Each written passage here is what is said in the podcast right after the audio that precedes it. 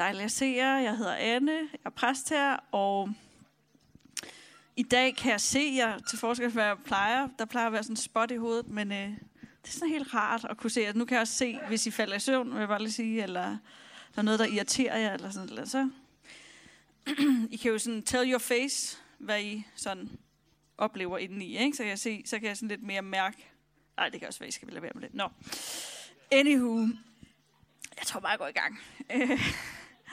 Jeg ved ikke, om I kender det her med at øh, sådan, have haft lyst til at bryde med nogle normer, som I er vokset op med.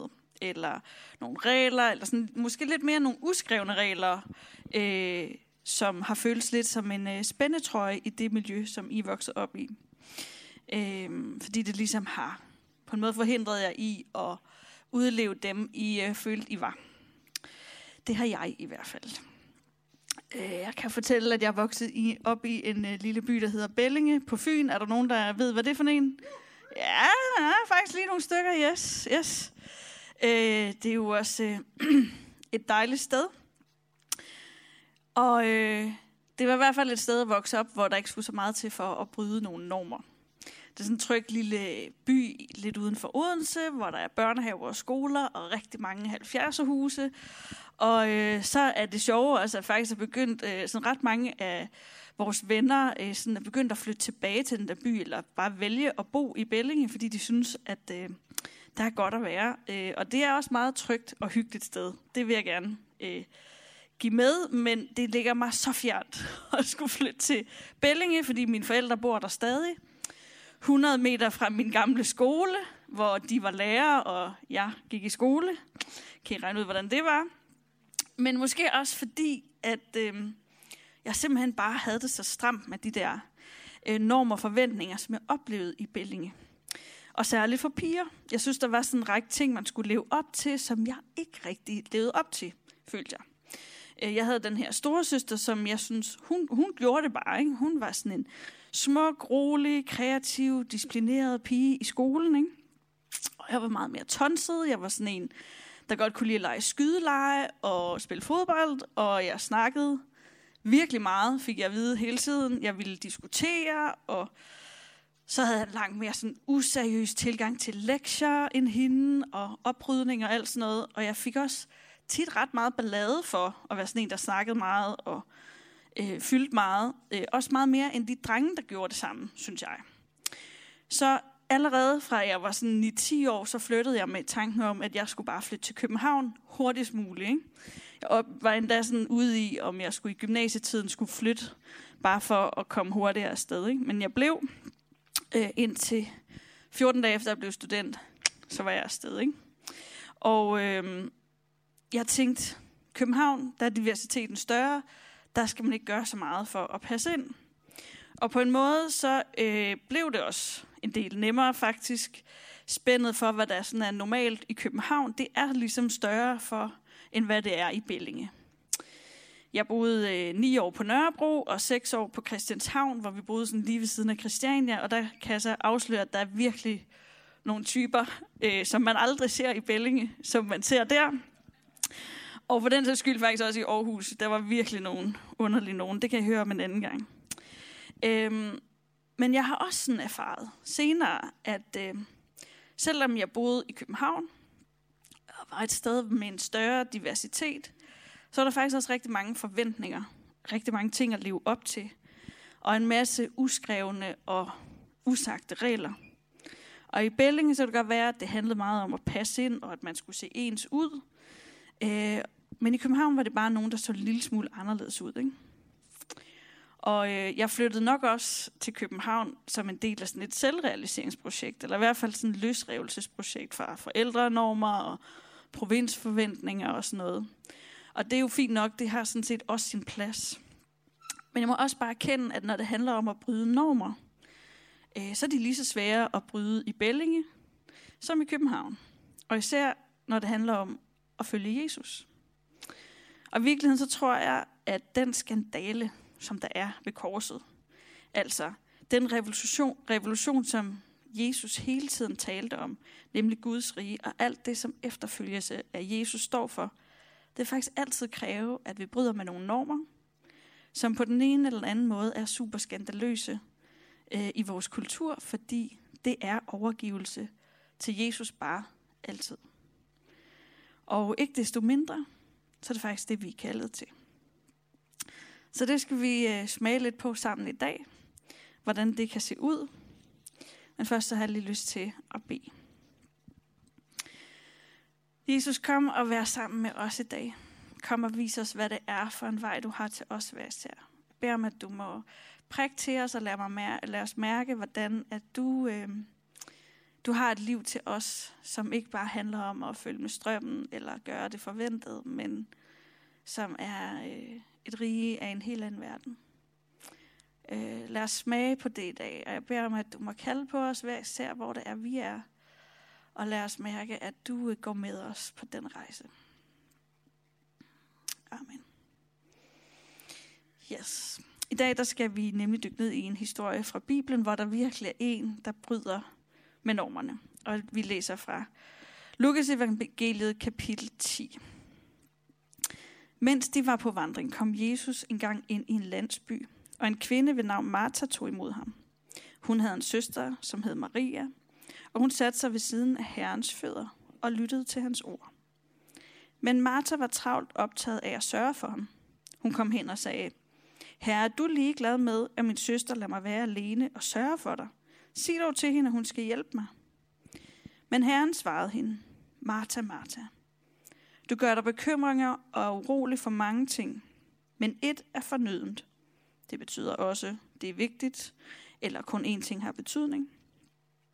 Maria har valgt den gode del, og den skal ikke tages fra hende.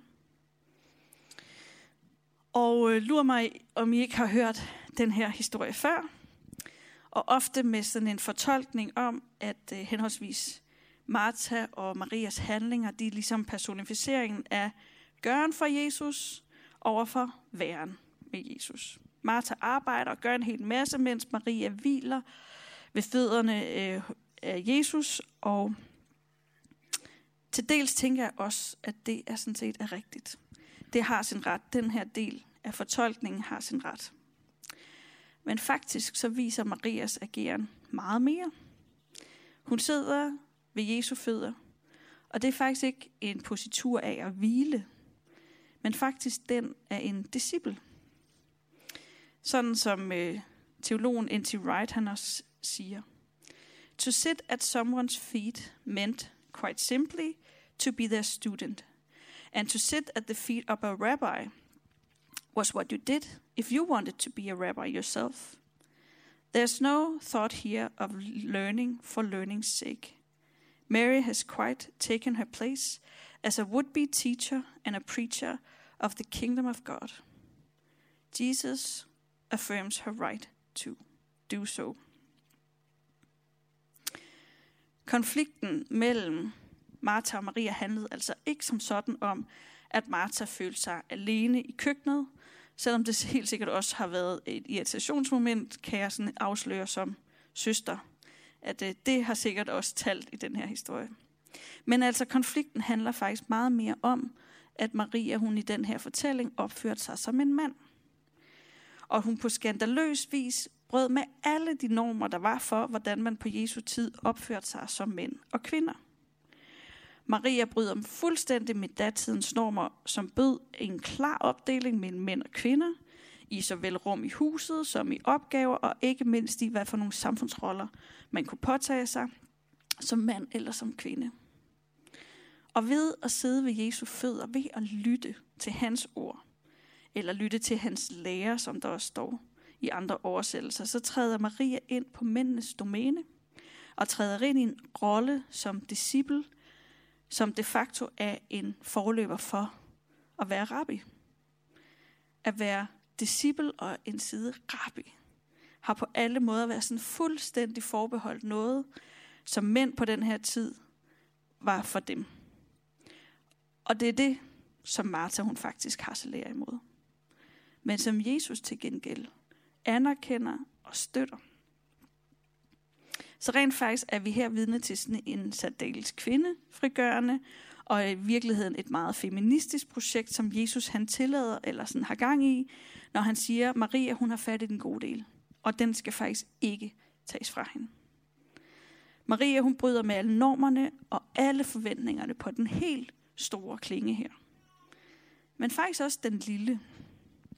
Hun bryder med de forventninger, som der er i hjemmet og i de nære relationer. Martha hun gør i hvert fald opmærksom på, at Maria hun burde arbejde mere ude i køkkenet, ikke? hjælpe hende. Og jeg synes egentlig, når man læser den her historie, at man godt kan have sympati med Martha. For er det ikke sådan lidt dårlig stil af Maria, hun ligesom var øh, overlader alle pligterne til sin søster? Er det ikke lidt tageligt? Jeg kunne godt have forventet det her af min søster. Og må ikke også Maria, hun har haft nogle forventninger til sig selv, som hun bryder den her eftermiddag. Ikke? Både forventninger om at være en, der hjælper andre, en, der ikke overlader gøremål til andre. Måske har hun også haft nogle standarder for, hvordan man gør de huslige gøremål hos hende, som hun ligesom har måttet lade ligge til fordel for at sidde ved Jesu fødder og lære ham. Standarder for, hvor pænt der skulle være, hvor rent der skulle være, hvordan værtskabet og maden og alt sådan noget skulle være. Jeg ved ikke, om I kan relatere. Det kan godt være, at det måske er en kvindeting. Who knows? I virkeligheden så er der rigtig mange forskellige niveauer af uskrevne regler, som Maria hun bryder i den her meget korte fortælling. Men pointen med at bryde de her normer, de her uskrevne regler, det er ikke bare et selvrealiseringsprojekt for Maria, vel? Det er ikke noget med at bryde en kedelig tøjstil i Bellinge. Hendes brud med de her forventninger, øh, hendes egne såvel som i forhold til samfundet, det bunder i en længsel efter at følge efter Jesus. Til at være hans disciple. Og blive stand til at give budskabet om Guds rige videre til andre. Det er hendes projekt. Og det er den længsel, som driver hende, og som Jesus så tydeligt bakker op om. Som det er det, det eneste vigtige, som ikke skal tages fra hende. Og det har helt sikkert ikke været nemt. Der har helt sikkert været mega meget pres på, både udefra og inden i Maria, ikke? i hendes valg om at ville følge Jesus og blive hans disciple. Og jeg kan i hvert fald levende forestille mig, hvordan hun er gået sådan rundt om sig selv i en rumtid ude i det her køkken, og gået og tænkt sådan, skal jeg gøre det, skal jeg gøre det, skal jeg gøre det, ikke? Og øh, overvejet, overvejet, hun måske sådan gået hen til døren og prøvet at stå sådan lidt, kunne hun høre noget, selvom hun blev ude i køkkenet, og været nervøs, ikke? Og så til sidst, så har hun endelig taget beslutningen, ikke? Så har hun lagt grydeskeen tænker sådan resolut fra sig, ikke? Ude i køkkenet, og så hun gået ind i stuen, så har hun sig igennem alle de her mænd, alle disciplerne, der sidder inde i stuen, og så har hun sat sig ved Jesu fødder, med bankende hjerte, og høj puls, og lyttet. Jeg tror ikke, det er sådan, det har været. Og det har simpelthen været så radikalt og skamløst på så mange niveauer. Ikke? Og det har uden tvivl kostet hende. Og ved I hvad?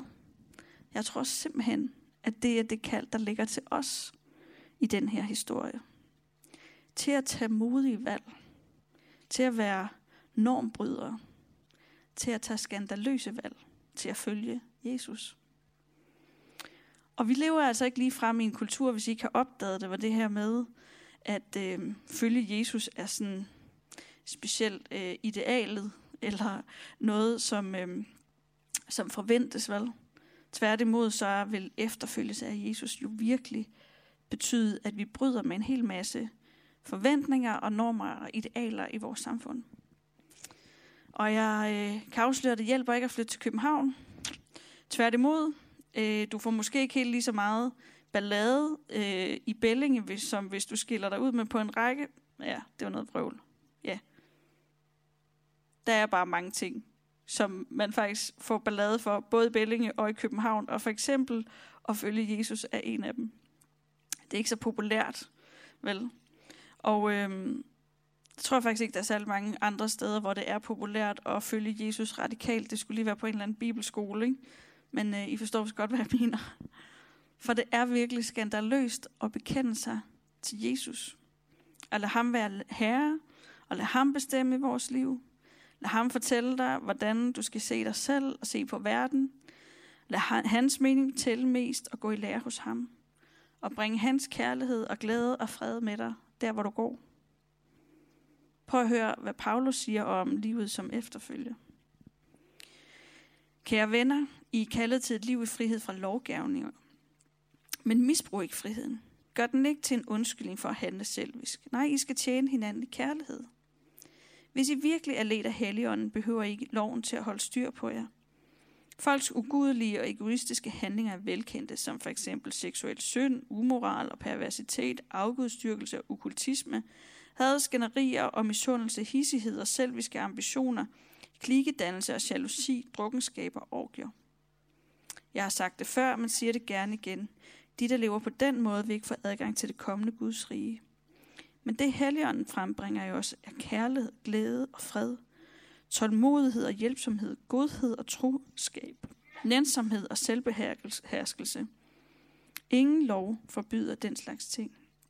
De, som lever deres liv som, med Kristus som Herre, har korsfæstet det gamle liv med deres egoisme og begær. Da Guds ånd har givet os nyt liv, må vi også følge åndens vejledning. Den første slide her, ikke? Med den her tekst. Så øh, nej, den sidste her. Yes. Det er super skandaløst at øh, tjene hinanden i kærlighed og stræbe efter selvbeherskelse og være hjælpsom og tro i vores kultur. Det er ikke specielt værdsat for eksempel på de arbejdspladser, jeg har været og arbejdet på tidligere. Der er det lidt mere sådan noget som at skulle øh, have spidse albuer og performe godt, som faktisk har været det vigtigste. Ikke? Og jeg ved heller ikke lige, hvornår det er, at jeg har set et øh, populært tv-show, eller en serie, eller en musikvideo, eller en eller anden kendis, som har stået for øh, tålmodighed og hjælpsomhed, godhed og troskab, nænsomhed og selvbeskærskelse. Jeg kan i hvert fald ikke lige øh, komme i tanke om det. Til gengæld så kan jeg først øh, kan jeg nævne de første sådan 50 tv-shows, øh, og serier, som ligesom promoverer seksuel amoral, perversitet, had, skænderier, misundelse, hissighed, selviske ambitioner, klikedannelse, jalousi, drukkenskab og orgier. Og det er ikke sådan, fordi jeg tænker, at når vi sidder og ser de her ting, øh, at vi ser det sådan som fede traits af de her idealer i Paradise Hotel og så videre vel. Men vi sidder alligevel og lapper det i os på en eller anden måde, ikke? for at være underholdt. Og jeg tror bare, at det former os, når vi øh, lader os fylde af netop det modsatte af det, som er ånden. For alt det, vi vælger at se øh, i tv'et, på vores telefoner osv., det tror jeg virkelig er med til at normalisere noget inden i os. Det rykker ved vores normer og forventninger. Og det gør faktisk det sværere at gøre det modsatte. Og i stigende grad bliver det sværere og sværere at bryde netop de normer og forventninger, som vi ser egentlig blive til normer i de her shows. I hvert fald, hvis vi gerne vil efterfølge Jesus, som jo er overgivelse til at lade sig lede af Helligånden og stå for de andre idealer. Og Jesus taler bare igen og igen om at lade os forvandle, om at lade vores hjerter forny, om at omvende os, om at ændre os og følge ham.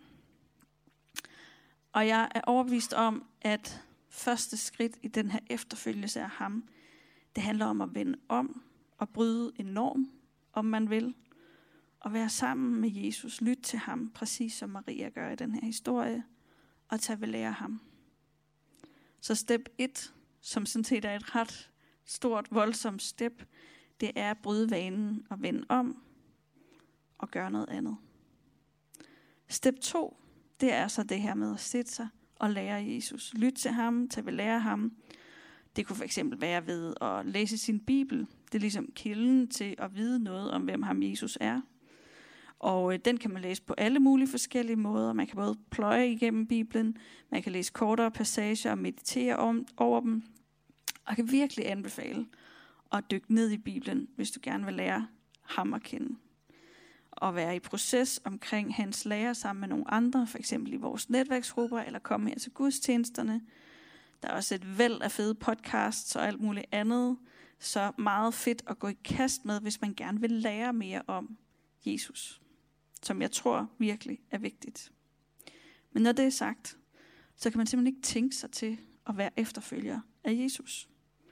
Skal man blive mere som Jesus og reelt blive forvandlet med det, de ting, som Paulus siger, ikke? være fyldt af kærlighed, af glæde og af fred, klædt i tålmodighed og hjælpsomhed, godhed og troskab, nænsomhed og selvbeherskelse. Ikke? Den transformation, den finder sted, øh, og vi bliver forvandlet til det, der, bliver, der kendetegner os. Det tror jeg er bund og grund, vi alle sammen længes efter. Og det sker, når øh, der skal vi videre end bare at have lært om Guds rige. Vores viden bliver nødt til at være til mere end bare viden. Vi skal have den omsat. Ellers strander den som tom viden. Og jeg tror faktisk, der er ret mange kristne, som går mest op i at vide en hel masse, øh, forstå en hel masse om Jesus og teologi med hovedet, men reelt aldrig rigtig oplever en forandring af hjertet. Og det tror jeg simpelthen ikke, vi bare skal lade os nøjes med. Blot lære om Jesus. Vi skal, jeg tror, at viden virkelig øh, er for lidt. Og det ændrer ikke noget, hvis vi ikke får gjort det til praksis.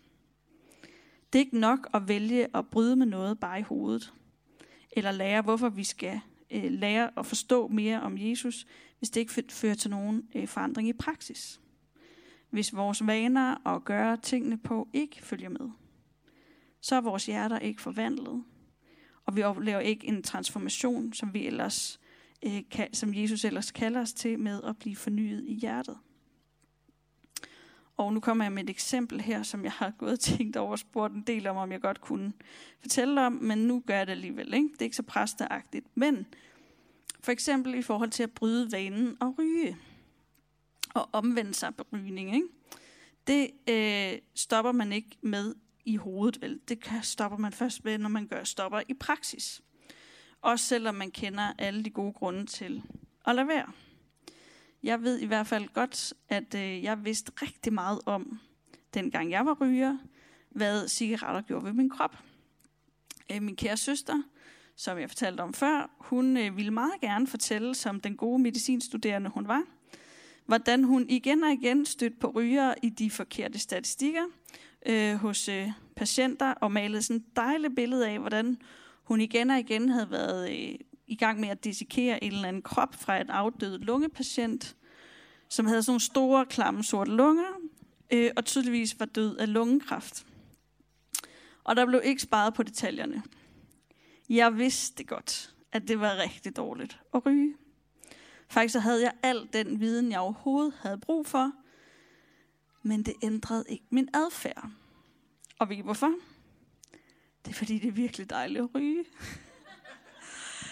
Jeg elskede virkelig at ryge. I'm sorry, men altså. Jeg kan stadigvæk have totalt meget lyst til sådan en cigaret, ikke? med et glas vin i vindueskarmen, en eller anden aftenscene, der sidder og filosoferer, eller sidde på en strand en varm sommerdag med en kold øl og en cigaret, eller på en fortorvscafé med en kop god kaffe. Og så. Jeg kunne blive ved, ikke? Ja. Jeg ved ikke, om I kan se det for jer, og det her det er ikke en reklame for rygning. Men åh, det er jo så fristende stadigvæk at bare lige tage en cigaret. Ikke? Men historien, eller min historie, virker, viser i hvert fald alt for tydeligt, at det kan jeg ikke styre. Det siger mere om mig end så meget andet. Pointen er bare, problemet var ligesom ikke, at jeg ikke vidste nok, vel, om rygning. Jeg vidste ligesom alt det, der var værd at vide. Det kunne godt være, at jeg ikke havde vidst det, men det vidste jeg. Det var ligesom ikke, at jeg skulle lære mere om skadesvirkningerne ved rygning. Problemet var snarere, at jeg simpelthen bare elskede at ryge for meget. Til at jeg havde lyst til at stoppe. Og der var altså et gap imellem, hvad jeg vidste, og øh, hvad jeg sådan måske godt kunne tænke mig, jeg gerne ville, og hvad jeg sådan reelt elskede i hjertet. Og det sidste, det her med hjertet, ikke? hvad jeg elskede det havde egentlig faktisk langt større vide, eller betydning for, hvad jeg foretog mig, end min viden.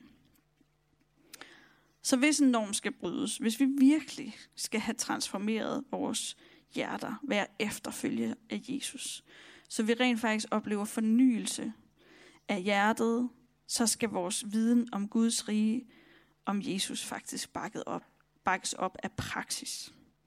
Det handler faktisk om principper for forvandling, principper for forandring, hvor vi må have vores krop og vores handlinger med i praksis i vores discipleskab, hvis vores discipleskab overhovedet skal give mening. Der er et gap mellem læring og hvad vi ved, og hvad vi vil, og vores hjerter. Og i det gap, der ligger praksis. Giver det mening? Står det der? Yes. Og så den næste. Så kan man lige se, jeps, så kom der lige praksis ind i midten, ikke?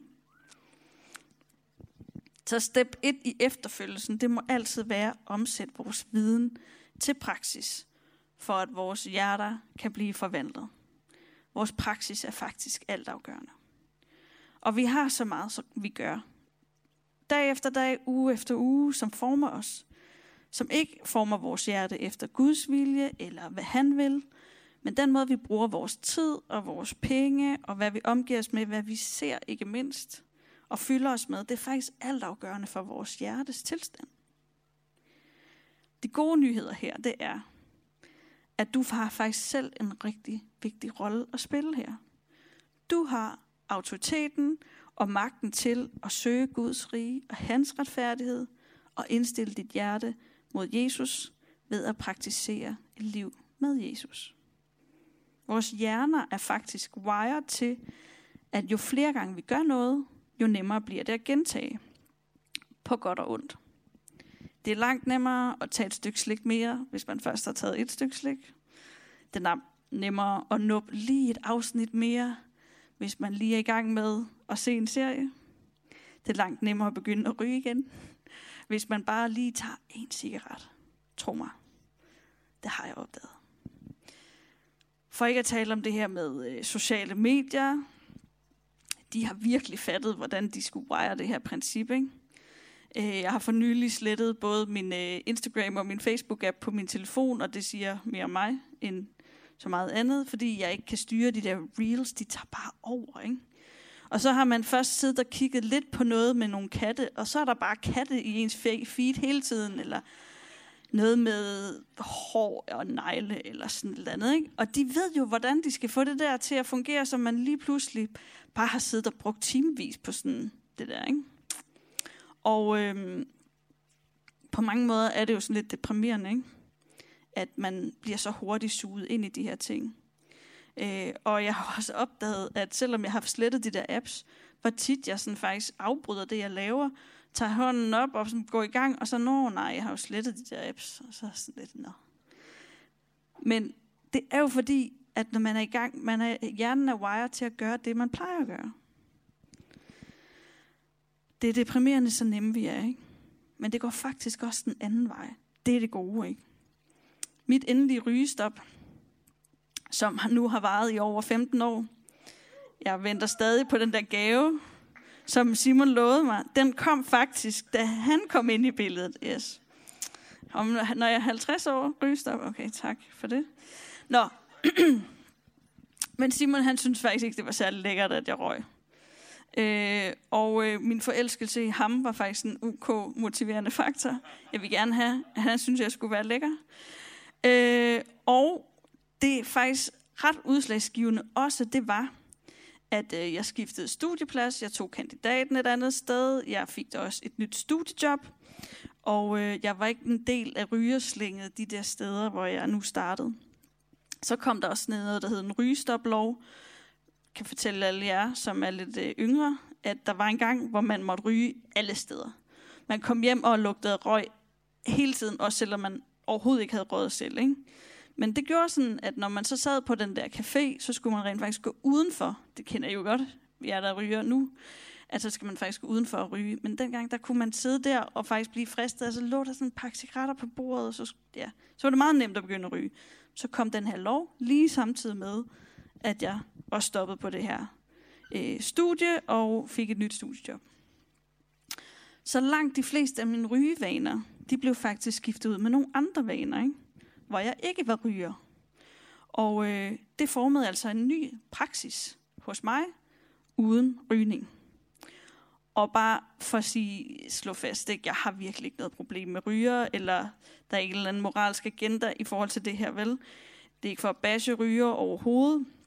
Det er bare et eksempel på en praksis, hvor viden var vigtigt, men egentlig ikke gjorde det store udslag. Faktum var bare, at jeg havde brug for en ny praksis, hvis jeg overhovedet skulle få ændret mit hjerte. Ikke? Forændret det, som jeg i virkeligheden gerne ville.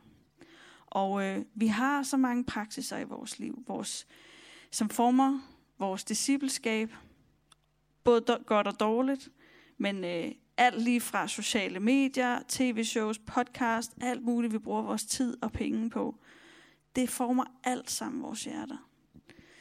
Men de fleste af dem, de former ikke vores hjerter til at ligne Jesus mere. Og jeg tror virkelig, at vi har brug for at bytte nogle af de her praksiser ud, som vi har, med nogle gode praksiser. Og vi kunne begynde med nogle praksiser, som Jesus havde, for eksempel. Stilhed, hvile, bøn, slowing, som Karoline talte om for nogle søndage siden. Det vil forme vores hjerter. Vel at mærke til at ligne Jesus mere. Til sand efterfølgelse. Til forvandling af vores hjerter. Og præcis i forhold til mit ryger eksempel, ikke? netop ved at ændre mine handlinger, bytte et scenarie, hvor jeg var vant til at ryge, ud med et scenarie, hvor jeg ikke røg. Det er virkelig måden at gøre det på. Ikke? Ændre normen, så opstod der en ny vane. Og øh, det kunne man snakke meget mere om. Alt sådan noget med, hvordan vi wired i hovedet, og hvordan vi bryder normer. Hvordan vi omvender os. Hvordan vi oplever og kan opleve at blive fornyet i hjertet ved at udskifte vaner.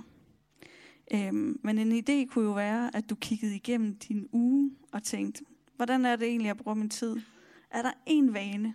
Er der en praksis, jeg har, som vil pille ud og skifte ud med en anden? Altså en vane, som på en eller anden måde bare ikke er specielt opbyggende. Det behøver ikke være sådan rigtigt og forkert, men mere bare sådan bla Til at være noget, der virkelig gør noget godt. Det kunne jo være noget, som man kunne snakke om i sin netværksgruppe. Hvad er det for nogle ting, som man kunne bytte ud og skifte ud med noget, som virkelig kunne forme dit hjerte til at ligne Jesus mere? Vi er faktisk ved at være ved vejs ende. Inden vi skal dele nadver sammen og fejre nadver, så har jeg lyst til, at de her steps ikke bare sådan står tilbage som noget, vi kan have i vores hoved. Men øh, også følge den op af praksis. Og jeg tror, at det simpelthen kan hjælpe os at få kroppen med. At øh, vores praksis ikke bare bliver i noget, vi har i hovedet, men det er noget, vi bruger kroppen til.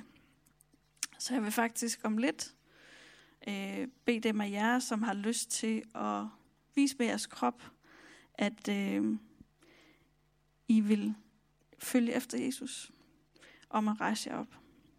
Og øh, det kan jo godt være lidt grænseoverskridende, men jeg tror faktisk, det godt kan være godt for os. Og øh, det kan jo se ud på mange forskellige måder.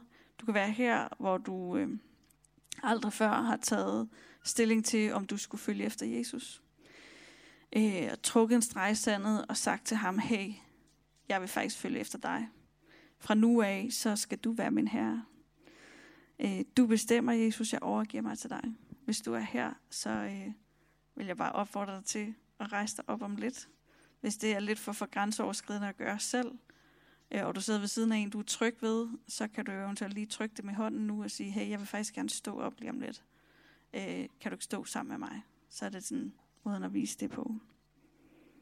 Og det kan også bare være dig, som står her og tænker, jeg har faktisk lyst til at bryde en norm og sætte gang i en ny praksis. Eller genoptage en praksis, som er god for dig. Som du virkelig egentlig har opdaget, men måske lidt glemt, øh, faktisk fornyer dit hjerte. Hvis du nu gerne vil tage kroppen med i den beslutning, så kunne du også rejse dig op og være med i den her bøn. Men det vil give plads til nu, inden vi sammen om lidt skal tage del i en fælles praksis med at fejre nadver. Men øh, først lad os bede. Har du lyst til at være med i den her bøn, så er du velkommen til at rejse dig nu.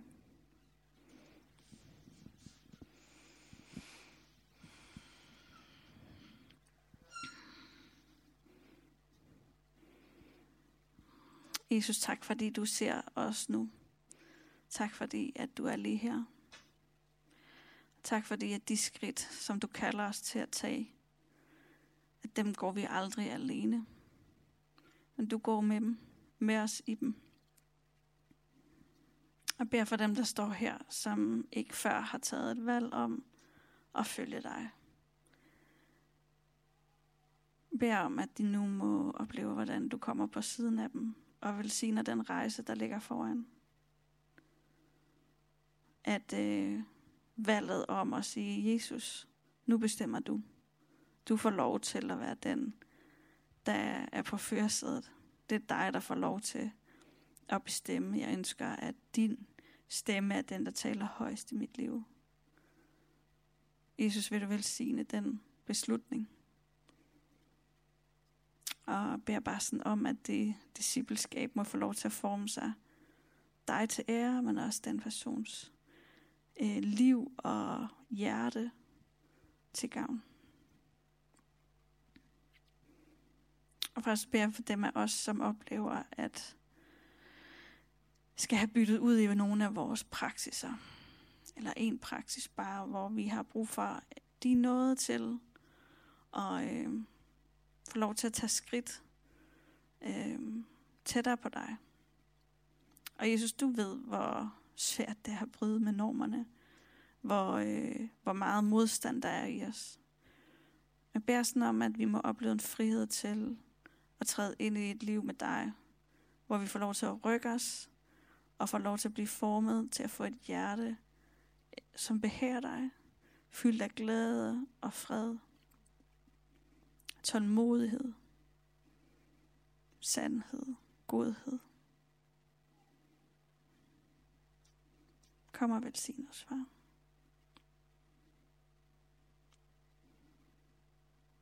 Amen.